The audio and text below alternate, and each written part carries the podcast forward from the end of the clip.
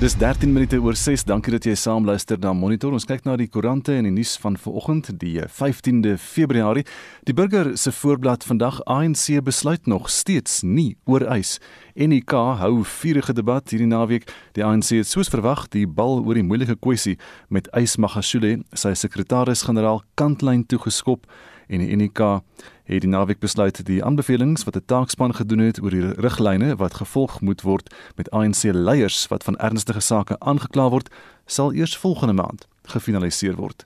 Nog stories op die voorblad van die Burger vandag Weskaap soek plek vir 10500 leerdlinge. Dis nou met die skole wat heropen aan die vooraand van hierdie skole is daar 10500 leerdlinge wat nog nie plek het in skole in die Wes-Kaap provinsie nie.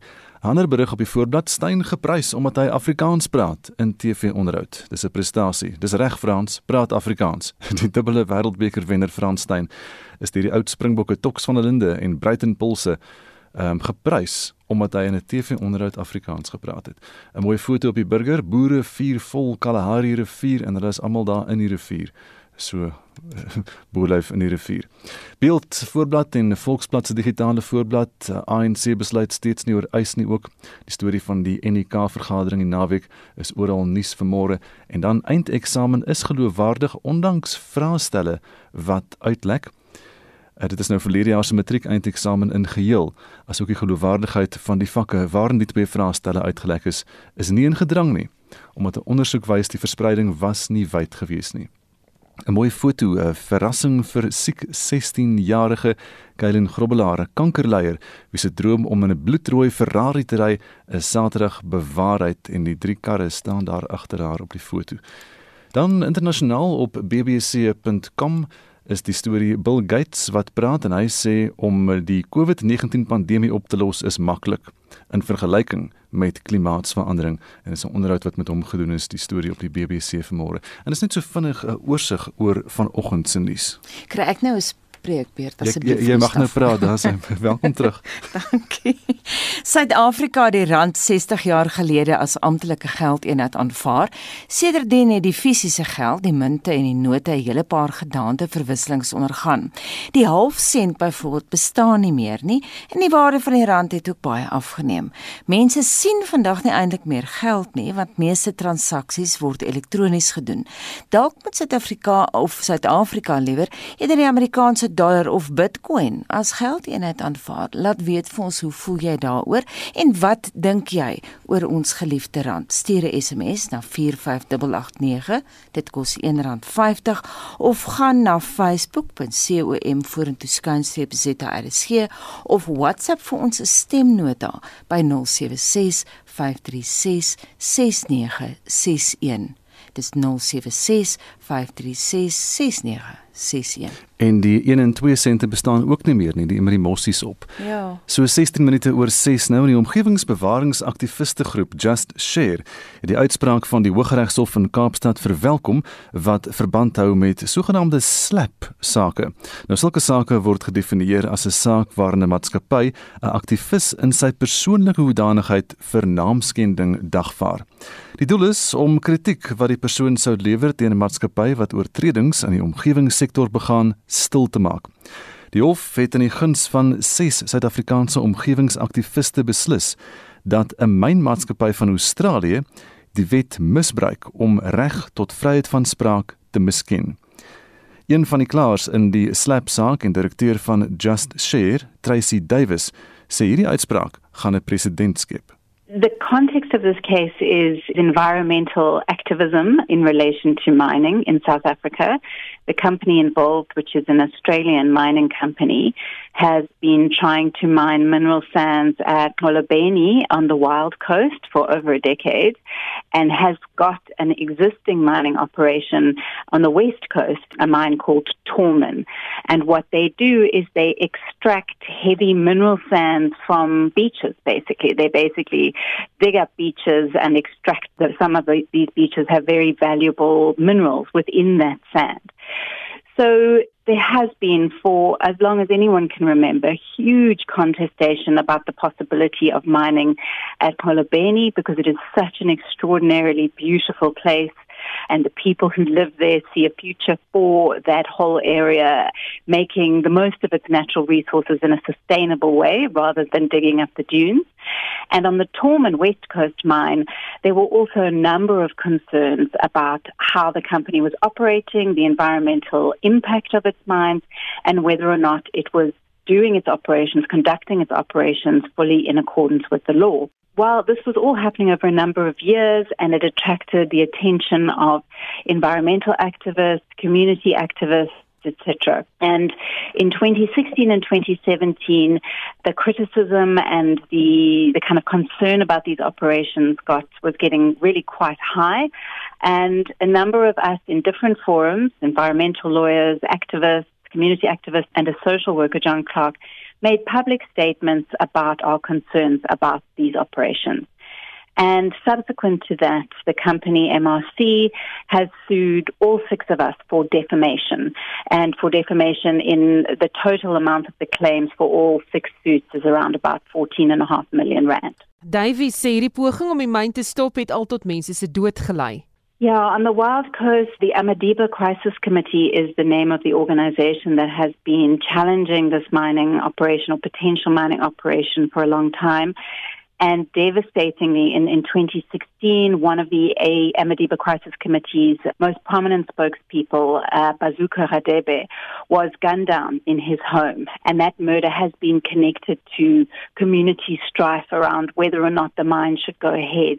And of course, now has horrendous echoes in the, the murder of Fikile Changase in, in KZN a few months ago. You'll be aware of that. Also, a very vocal anti-mining activist who was also gunned down in her home. No one has been arrested for either of those murders. So whilst these cases and these operations, obviously the core of the concern is about environmental impact.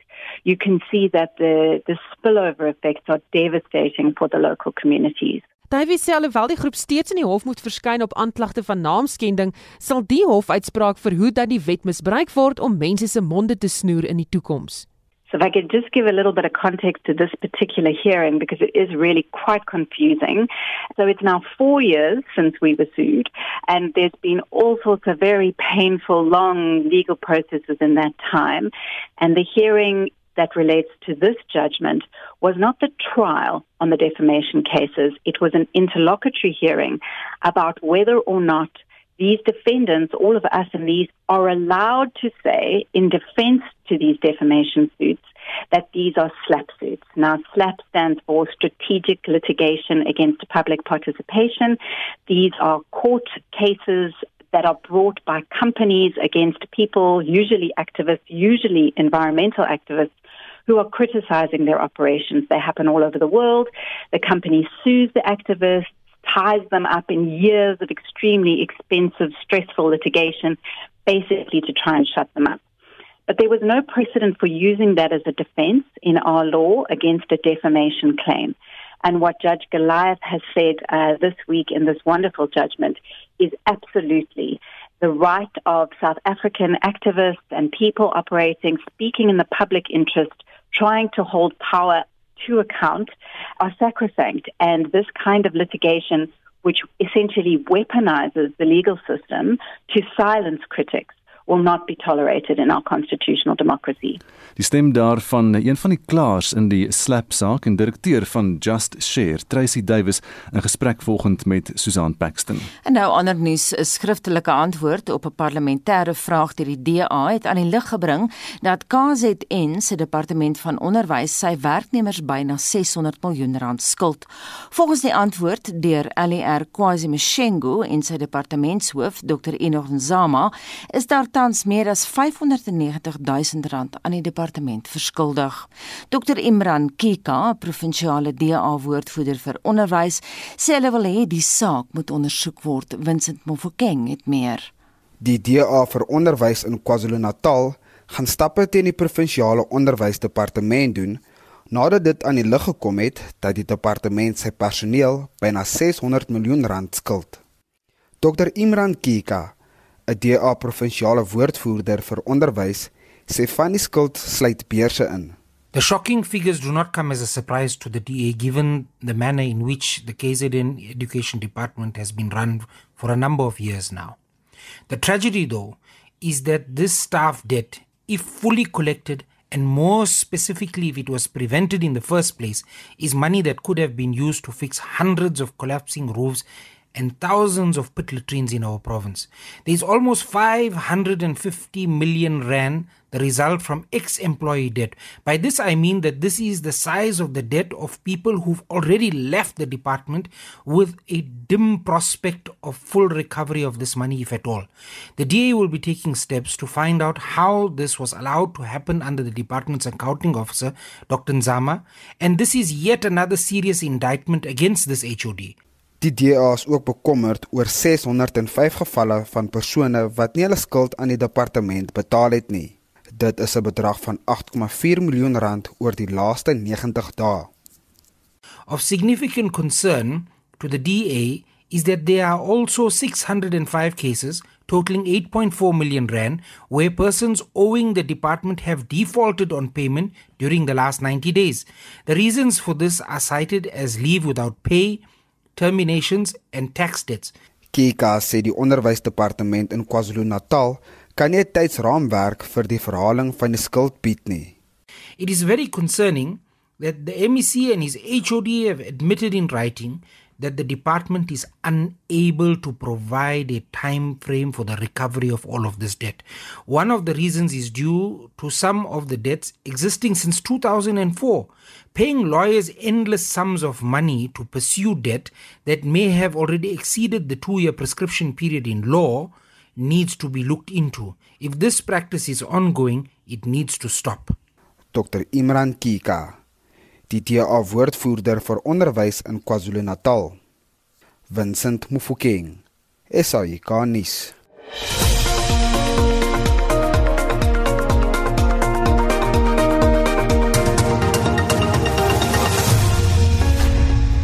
Twee jong mans spoeg om die armoede siklus in minder gegoede woonbuurte te breek deur matriekleerdlinge met inligting oor beurse te bemagtig. Hulle organisasie Amajuba gaan in samewerking met 'n groot maatskappy in die land 3000 boeke aan leerdlinge in 3 provinsies skenk.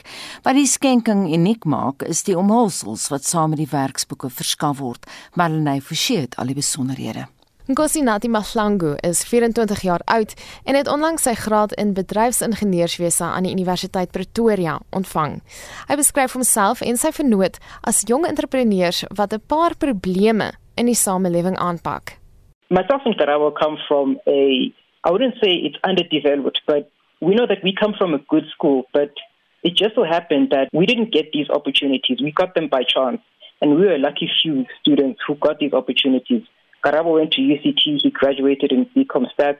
I went to University of Pretoria and graduated in engineering. And we know that in our communities there's so much potential, but there's just a lack of communication. There's a digital divide. So we want to build our country, and we know that we can do that if we get the relevant information out to the relevant people so that they can act. Hulle organisasie Amajuba spits hulle nou toe op die Oos-Kaap, die Vrystaat en Limpopo.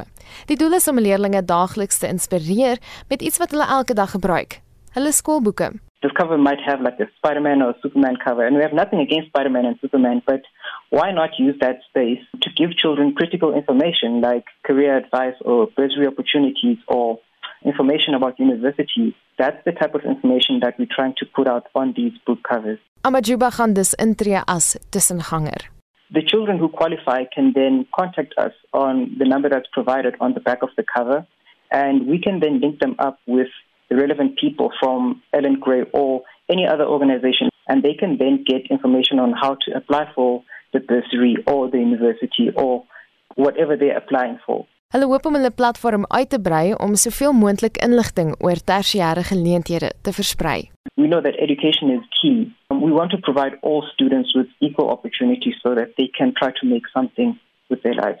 So Amachuba offers a platform for organizations that offer career advice or universities or companies that offer like bursaries to give out critical information to kids who need it in high school.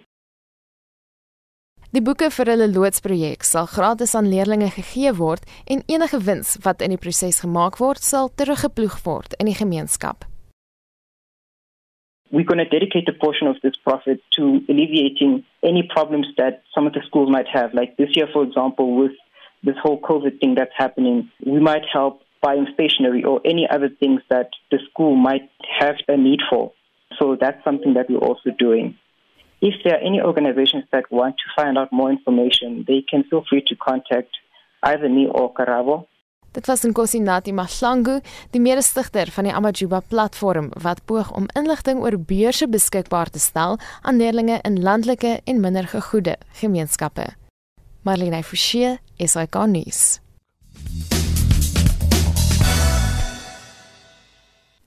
Marlene, wat sê ons luisteraars?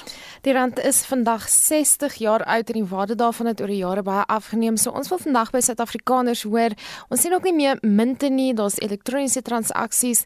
Moet ons kyk na eerder die gebruik van die Amerikaanse dollar of Bitcoin? En op Facebook sê Hermie Beileveld, nee, sommer net nee terwyl Yuri Brand sê Trump en die dollar kan asseblief kom oorvat. En hier's van ons luisteraars op WhatsApp se reaksie. As ons die dollar aanvaar as geldeenheid gaan die harde werklikheid van Suid-Afrikaners se ware armoede hulle tussen die oë tref. Ek sal byvoorbeeld net 1000 dollar in my rekening inbetaal kry elke maand. Is Tinus Kutse hierso. Ek dink in elk geval ons hou die rand. Ons het hom nou mooi opgevoeter. Ons moenie nou met ander goederes begin lol nie en die Bitcoin ding gaan nou in elk geval wanneer die nuwe wêreldorde in uh in bewind is en alles is nou geen kontant, geen niks kan gesteel word nie. Niemand het niks nie. Almal is gelukkig. Daai klas goedertjies so Bitcoin gaan op die einde van die dag gebeur. Maar uh ek dank die Here dat die kerk dan nie meer hier sal wees nie. Julle moet 'n uh, geseënde dag hê. Mooi dag. Goeiemôre. Wie onthou nog die liedjie Dan desimaal die rand sent man? En die einste Dan Desimaal kry heelwat aandag op die SMS-lyn en Facebook van hoe mense van hom praat. Dan 'n anonieme luisteraar in op ons SMS-lyn laat weet intussen nee, asseblief Suid-Afrikaanse geld moet net so bly en Laura Kokemoer sê sy dink die geldeenheid moes nooit van die pond na die rand verander word nie. Ons wil vanoggend hoor wat jy van die rand dink op sy 60ste verjaarsdag. Moet ons 'n sterker geldeenheid aanneem of iets soos Bitcoin oorweeg? Deel jou mening met 'n SMS by 45889 9 teen R1.50 SMS. Jy kan ook saamgesels op ons Facebookblad of WhatsApp vir ons stemnota by 0765366961. Dis 0765366961. En Anita, jy onthou vandaan desimaal goed. Dit was so 'n radio klink. Ek oggend vir jou gedaan desimaal die rand sent maar. maar hy lê iewers in 'n klankleer. Ek dink ons moet hom kry vanmôre. Maar speel ons maar hoor ons hoe ja. klink dit. Die van ons wat nou daar was. Klink, want dit is 'n ja. bietjie voor my tyd. Hierdie is nog voor ons tyd, hoor. Hierdie was 1960. Dis met julle millennials dink mos ons is stok stok stok oud. Dis nou so 23 minute voor 7. Hier is Shaun Jooste. Ek kyk na van die naweek se sportgebeure. Op die cricketveld het Suid-Afrika hulle T20 reeks in en teen Pakistan met 2-1 verloor nadat Pakistan gister se beslissende wedstryd met 4 paaltjies gewen het. David Miller se 85 nie uit nie, die Proteas tot 164 vir 8 gehelp maar Pakistan het die telling met nog 6 balle oor verbygesteek. Mohammad Nawaz was die speler van die wedstryd terwyl Mohammad Rizwan as speler van die reeks aangewys is. Hy het 197 lopies aangeteken. In die dag 3 van die tweede toets teen Engeland op 54 vir 1 in hulle tweede beurt begin. Engeland is vir 134 in hulle eerste beurt uitgeboonder en dit gee Indië 'n eerste beurt voorsprong van 195 lopies. Die Windies het hulle toetsreeks in en teen Bangladesh met 2-0 ingepalm na 'n oorwinning van 17 lopies in die tweede en laaste toets. Rugby. In die tweede ronde van die Ses Nasies toernooi het Ierland gister in Dublin met 15-13 teen Frankryk en Skotland Saterdag in Edinburgh met 25-24 teen Wales verloor en Engeland het Italië in Londen met 41-18 afgedraf. Tennis. Die eerste week van die Australiese Ope is verby. In gister se vierde ronde het die nommer 18 van Bulgarië, Grigor Dimitrov, en drie stelle met die nommer 3 van Oostenryk, Dominic Thiem, die nommer 6 van Duitsland, Alexander Zverev, ook in drie stelle met die nommer 23 van Servië, Dusan Lajovic, en die wêreld se voorste speler Novak Djokovic ook van Servië in vier stelle met die 14de gekeerde Milos Raonic van Kanada afgereken. In die vroue afdeling het die derde gekeerde Naomi Osaka van Japan die 14de gekeerde Spanjaard Carbin Muguruza in drie stelle en Serena Williams die nommer 10 van Amerika vir Arina Sabalenka die nommer 7 van Belarus ook in drie stelle uitgeskakel. Suid-Afrika se rolstoelster Gotatso Montjane het na vandag se halfeindstryde teen Yui Kamiji deurgedring nadat sy Angelica Bernal gister met 6-1 en 6-2 oorrompel het. Sokker. Gister se DStv Premier Liga wedstryd tussen Morocco Swallows en AmaZulu kon geen doele oplewer nie en SuperSport United het Cape Town City Saterdag met 2-1 getroof. Die tellings in van die naweek se Engelse Premier Liga wedstryde was Everton 0, Fulham 2, Arsenal 4, Leeds United 2, West Brom 1, Manchester United 1, Southampton 1, Wolves 2, Manchester City 3, Tottenham Hotspur 0 en Leicester City 3, Liverpool 1. In Spanje het Real Madrid vir Valencia met 2-0 geklop. In Italië het Inter Milan 3-1 teen Lazio geseëvier en Napoli het Juventus met 1-0 uitoorlê. In Duitsland het Wolfsburg en Borussia Mönchengladbach gister 0-elk en Borussia Dortmund en Hoffenheim Saterdag 2-elk gelyk opgespeel. En in Frankryk het Lyon Saterdag 2-1 teen Montpellier verloor. Op die golfbaan het die Amerikaner Daniel Berger die trofee by die Pebble Beach Pro Am gelig en die toernooi op 18 onder geëindig. Sy landsgenoot Maverick McNeely was tweede op 16 onder en Suid-Afrika se Brandon Grace gesamentlik 34ste op 5 onder. In laastens in fietsrynuus, Ivan Romero Sosa van Colombia het met die louere by die Tour de la Provence in Frankryk weggestap. Die plaaslike Julien Alaphilippe was tweede met Egan Bernal van Colombia derde. Shaun Schuster, SAK Sport. Kry elke dag meer by Pick n Pay. Kry verskeie 1 tot 3 kg PNP groentepakke, enige 4 vir R100 en verskeie 1 kg PNP laafet of vetvrye jogurt, enige 2 vir R45 wanneer jy sweep. Plus, kry kontant terug wanneer jy sweep. Aanbiedinge geld 15 tot 21 Februarie terwyl voorraad hou. Besenfees geld. Slegs by Pick n Pay. Gits belonings wanneer jy slimmer bank. Ons stel Upside Advantage bekend. Geen registrasie of fooie nie, net kits belonings wanneer jy maklike uitdagings op jou bankdienste app voltooi. Sluit vandag by Absa aan. Ons doen meer sodat jy meer kan kry. Dis African Necessity. Absa is 'n gemagtigde FDV en 'n geregistreerde kredietverskaffer. Besenfees geld. Hierdie week op Koskas Kanades. Totsiens Kaapstad. Hier kom ek Vrystaat. Piet van Nal is een van Suid-Afrika se bekendste cowboys. Hy en sy span kyk bitter mooi na die 200 plus perde wat op die plaas woon. Ek het self tussen die boerperde groot geword, so ek voel heel tuis vandag. 'n Perd is 'n ongelooflike dier en as jy goed na hom kyk, kyk hy goed na jou. Elke Dinsdag om 7uur net op SABC 2.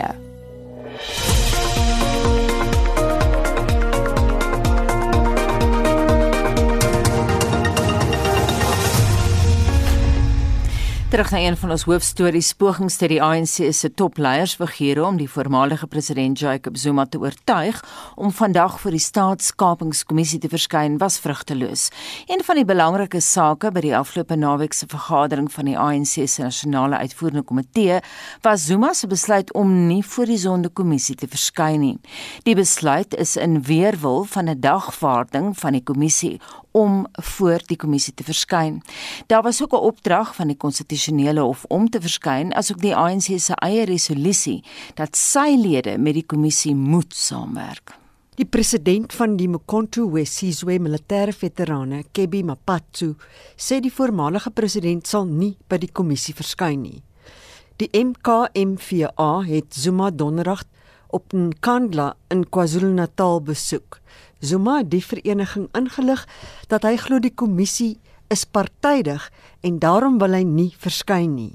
Mapatsu verduidelik wat Zuma se argument is. He is not going there tomorrow. I want to confirm that he's not going there tomorrow. And uh, the arrest is not going just to happen immediately. There are processes that are still going to unfold. And during that process, we will also be explaining this narrative that the judiciary people, the judges, are also human beings. They can make mistakes. But if they are biased also, it's our right as citizens to say you are biased because you've taken away the right of a citizen. Die kwessie is die naweek na alle waarskynlikheid deur die nasionale uitvoerende komitee bespreek. Die ANC se woordvoerder Pulemabe sê die party het vroeër ingestem om die kommissie te ondersteun en het lede opdrag gegee om met die kommissie saam te werk. There is a standing resolution of the National Executive Committee that officials must engage with former President Jacob Zuma. So that decision is there. It really depends on their diaries. You know, and uh, if there are issues, including those that are out in the public, that officials may want discussed or seek some uh, resolve on, they will effectively do that well within that space. But there is a decision of the NEC that officials must engage with the former President Jacob Zuma. It's really a matter of diaries. Die ANC in KwaZulu-Natal het Zuma ook verlede week besoek. Die provinsiale sekretaris Mdomiseni Ntuni sê die dooie punt tussen Zuma en die kommissie het ernstige gevolge.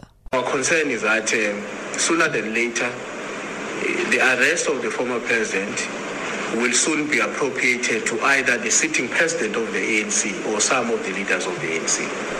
And when that happens, divisions in the ANC will run deep. And the ANC will lose its ability to lead our people towards the creation of a national democratic society. So the reason why we're standing up as a province was because we're worried about the future of our country. Toe joernaliste president Cyril Ramaphosa sowat 2 weke gelede by die huis van die oorlede struggle veteran Rebecca Kotani hieroor uitgevra het, het Ramaphosa gesê Zuma moenie aangejaag word om 'n besluit te neem nie. And I would like to say let's give former President Jacob Zuma time and space to think about this and uh, also to hear what other people are saying. And in giving consideration to this, I'm sure that he will come to a conclusion. So I'm prepared to leave it there. And of course, we haven't really discussed it in the ANC, uh, which is something that we will do. Dit sal later vanoggend bekend wees of Zuma oortuig kon word om wel voor die kommissie te verskyn. Die kommissie self sê as Zuma nie verskyn nie, sal dit in stryd met die dagvaarding wees en sal hy in minagting van 'n bevel van die konstitusionele hof opgetree het. Die kommissie sal dan besluit watter verdere optrede moet volg. Busi Shimombe van ons politieke redaksie het hierdie verslag saamgestel. Mitsi van der Merwe, SAK nuus. En ons praat nou verder hier oor met die regskenner Dr. Llewellyn Kerloos en die politieke en beleidskenner Theo Venter. Llewellyn, goeiemôre. Goeiemôre daarso Gustaf. En Theo, goeiemôre. Goeiemôre. Theo, hoe het ons hier beland?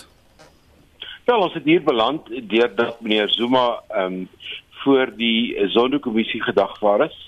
Hy 'n uh, vergadering bygewoon het ehm um, en dat hy in in 'n uh, in kom ons sê uh, probleme ontwikkel het met die kommissie weer 'n keer verskyn het en by die geleentheid ehm um, uitgestap het sonder dat hy die president van die van die kommissie uh, adjunkregter adjunkregter president Zondo se toestemming gehad het. En nou is die saak eintlik ehm um, in die hande van die regsproses want hier is sprake van die kommissiewet wat oortree word hier is sprake van die ANC se beleid wat sê jy moet voor die Zondo-kommissie verskyn en dan is daar natuurlik Jacob Zuma wat 'n kuns daarvan gemaak het om woerwoer te speel met regsprosesse.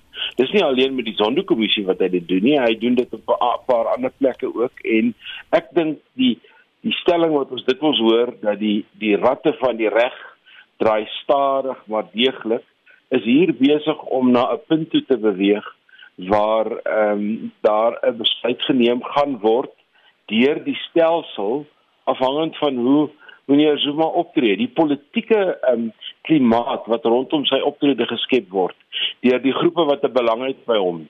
Ek dink dis omgewingsmusiek, dit is agtergrondmusiek. Ek dink nie dis direk daarbey betrokke nie. Dis meer 'n soort van 'n politieke regverdigingsgrond vir wat met hom gebeur en om sy slagoffersprofiel so 'n bietjie uit te bou, maar die essensie van wat ons nou mee sit is hoe gaan die reg met hom handel? Mhm. Llewellyn, wat is die kommissie se opsies nou?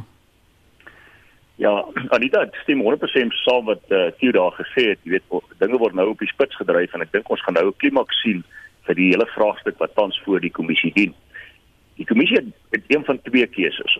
Die een is natuurlik om net daar se muur eh uh, toe te sien dat oud-president Zuma gearresteer word en dan natuurlik eh uh, tereg staan dan op 'n klagte van minagting sou hy nie opdaag nie. Die ander opsie is natuurlik en ons sal dit net maar sien wat gebeur vandag is dat hy inderdaad opdaag en dan ehm um, uh, ingesweer word. Die hele week is op sy gesit vir sy getuienis. Jy sal onthou dat hy by by min of meer deur 30 ander getuies geïmpliseer word by uh, onreëlmatighede, korrupsie en al die tipe van goederes. En dan moet hy antwoord. En dan wanneer hy moet antwoord, dan is dit natuurlik die volgende hekkie waarna ons gaan kyk. En dit is uh, gaan hy antwoord en gaan hy nie heeltyd sy sogenaamde swygreg en sy reg om homself nie te inkrimineer nie van gebruik maak nie. En dit is natuurlik so daardie reg bestaan, maar soos wat die grondwetlike hof reg gesê het, ehm um, hy sal dan moet aanvoer en demonstreer in die eerste instansie dat hy geregtig is om op 'n spesifieke vraag nie te antwoord nie omdat dit hom moontlik kan inkrimineer. En dan slegs as dit die geval is, dan kan die voorsitter van die kommissie natuurlik dit handhaaf al dan nie. Dit is in terme van beide die gemeenereg uh die grondwet en natuurlik die kommissie se eie wetgewing wat daardie swygreg vir jou waarborg aan sekere omstandighede. So dis die twee opsies. Wat vir my natuurlik kommerwekkend is is die uitlatings wat ons gesien het uh deur die nasionale uitvoerende komitee uh, komitee van die ANC oor die naweek. Uh jy weet daar is geleide gemaak deur byvoorbeeld Ysmagashula om te sê dat die grondwet is nou nou nie so 'n belangrike dokument nie. Dit is een van die opmerkings wat hy die verbygaande aard uh, ge gemaak het en ek dit is kommerwekkend en dan natuurlik uh, iemand soos Jessie Duarte wat die adjunk uh, sekretaris-generaal is wat uh, klaarblyklik selfs in 'n brief om verskoning moes vra vir haar uitlatings wat sy teenoor die Zondo-kommissie spesifiek uh, regte Zondo gemaak het. Ehm um, daardie geleide ondersteun werklik waar Zuma in sy in sy volharding om die reg te probeer uh, manipuleer na sy eie goeddinke en ek dink dit is die probleem waarmee ons sit. Die ons nou die dag gepraat hierson met um, regter uh, Johan van der Westhuizen van die konstitusionele hof, 'n uh, voormalige regter en hy het gesê ons is nog nie naaste by by 'n konstitusionele krisis nie, maar op watter punt word dit 'n konstitusionele krisis? Kyk, daar gaan daar's twee krisisse aan die aan die ontwikkel. Dis die konstitusionele krisis waarby ons almal 'n belang het, maar hier is ook 'n krisis vir die ANC self wat aan die ontwikkel is oor die naweek was uh, president Zuma uh, deel van die nasionale uitvoerende komitee vergadering want dit was 'n virtuele vergadering en uh, in die vergadering is die ANC se eie interne besluit herbevestig dat lede van die party moet voor die sondekommissie verskyn as hulle gevra word en hulle moet hulle konstruktiewe samewerking gee. Dis die party besluit. So die die die daar's twee dilemma's. Die een is as Zuma doen wat hy en sy ondersteuners sê hy gaan doen, dan oortree hy blaatant 'n ANC reël wat hom wat hom in die in die in die in die posisie plaas van 'n moontlike skorsing as lid van die party. Nou die ANC onder die huidige leierskap sal baie stadig en baie versigtig beweeg oor daai punt, maar hulle het dit al met een of twee lede die laaste tyd gedoen om te bewys hulle is nie skrikkerig om dit te doen as iemand doelbewus en aanhoudend dieselfde soort ding doen nie en Jacob Zuma het nou al in daai posisie inbeweeg. En dan die, konstitusionele krisis lê op 'n ander vlak. Ehm um, wat ehm um, definitief gaan beteken dat die oud president dit vir almal rondom hom baie moeilik gaan maak en sy optrede op die oomblik is van so 'n aard dat dit die mense rondom hom en die in die stelsels rondom hom in 'n posisie plaas waar hulle nie wil wees nie, waar hulle teen hom moet optree. En ehm um, ek twyfel of ons ehm um, soos in die ou dae soos wat ons in die cowboy flieks gesien het 'n posie ge, ges opgesaal gesien gaan kry wat nou jaag en kan laat toe en om daar 'n hegtenis neem. Dit sal nie so gebeur nie. Dis nie dit is glad nie die die, die maar dis die prentjie wat geskets is oor die naweek. Dis hoekom dis hoekom uh, Karl Niehaus en sy mense lyk my in Kandla gaan bewaak ek dink ehm um, daar gaan ander maniere en prosesse gebruik word om uiteindelik met meneer Zuma te handel en dit kan ook wees dat hy totaal en al geïsoleerd raak en net daar bly en nêrens anders heen kan beweeg nie. So die opsies vir hom raak ook al minder. Lowel en daar is al mense wat sê dat die Sonderkommissie het nie tande nie. Indien Zuma nie verskyn nie, watter effek sal dit hê op die werking van toekomstige kommissies? Ja, dit dit, dit gaan verseker 'n president daar daar skep en uh, ek stem saam. Uh, Theo het 'n baie interessante opmerking gemaak. Jy weet hy wat verwys na die laartrekkery rondom Zuma. Daar's daar's wat baie betref twee of drie aspekte wat baie pertinent na vore tree. In die eerste instansie dis 'n baie strategiese stap van die ANC se top 6 leierskap uh natuurlik om hierdie besluit van die ANC elke keer te opper. En dit is so daar is daai besluit geneem. Maar wat het hulle om te verloor? Aan die een kant sou Zuma dan nie opdaag nie, dan kan hulle natuurlik argumenteer en sê maar ons het vir hom gesê hy moet daar wees. So dit is definitief nie deur ons te doen dat hy nie daar is nie. Aan die ander kant as hy inderdaad uh, opdaag, dan kan hulle ook daardie 'n voordeel trek om te sê maar ons het was dit nie vir ons nie dan het dit dalk nie gegaan nie. So albei kante toe het hulle 'n wen-wen situasie dan ten minste uit daai politieke polities strategiese uh, aspek. Die die tweede probleem waarmee ons sit is die sondekommissie het in die verlede en dit het die grondwetlike hof self bevind sommer uit die uit die staanspoor uit as ons kyk na die uitspraak wat regter Chris Jafta dan persoonlik gegee het. Hy het gesê hy is anders hanteer, hy is met handskrientjies hanteer tot nou toe soveel so dat daar dagvaardings vir nie minder nie as 2500 in iets 26 as ek reg kan onthou. Ander getuies uitgereik is sedert 2018 die begin van 2018 tot nou toe. Maar tot op hede tot op die onlangse ten minste na die uitspraak het dit nooit gebeur met met president Zuma nie. So hy is definitief anders hanteer as die ander getuies wat voor die kommissie verskyn is. En dit is 'n probleem want alreeds lyk dit of daar een of ander vorm van 'n bevoordeling of spesiale tipe van 'n uh, uh, status is wat aan hom toegedig word in vergelyking met ander getuies. En daardie persepsie moet weggeneem word.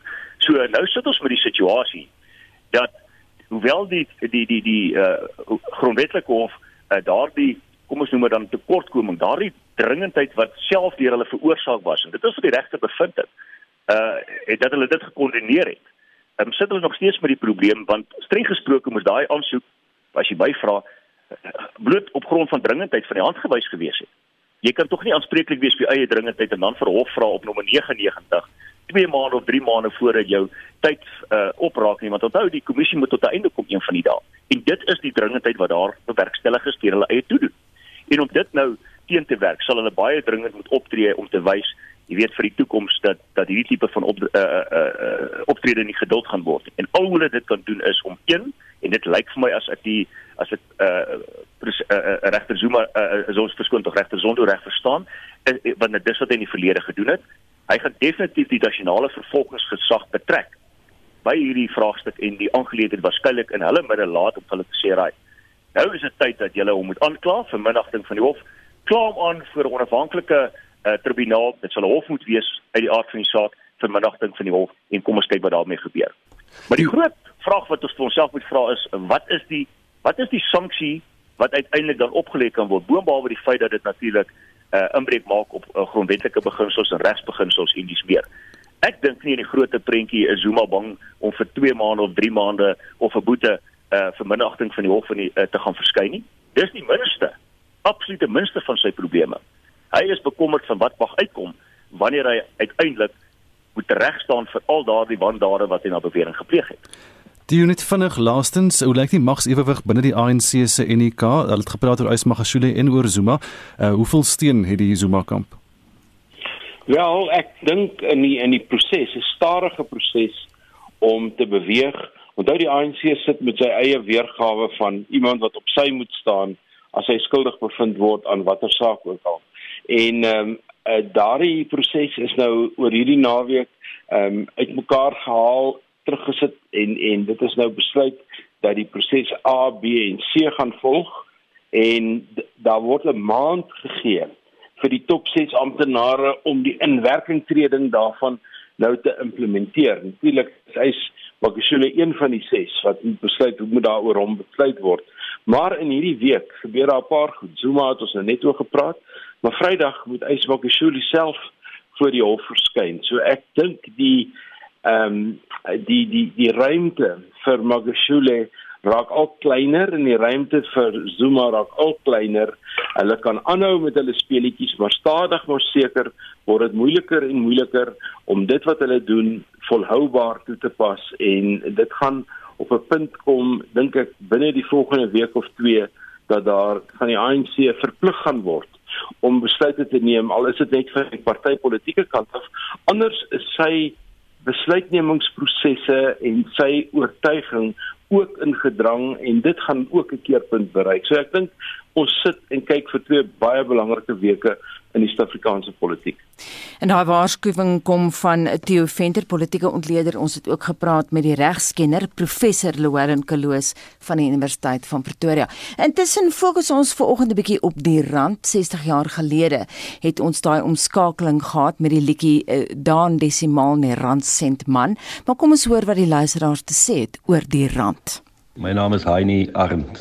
My oupa se broer was Daan Desimaal nie die ou wat dit gesing het nie. Hy was in beheer van die hele omskakeling van die pond na die rand toe.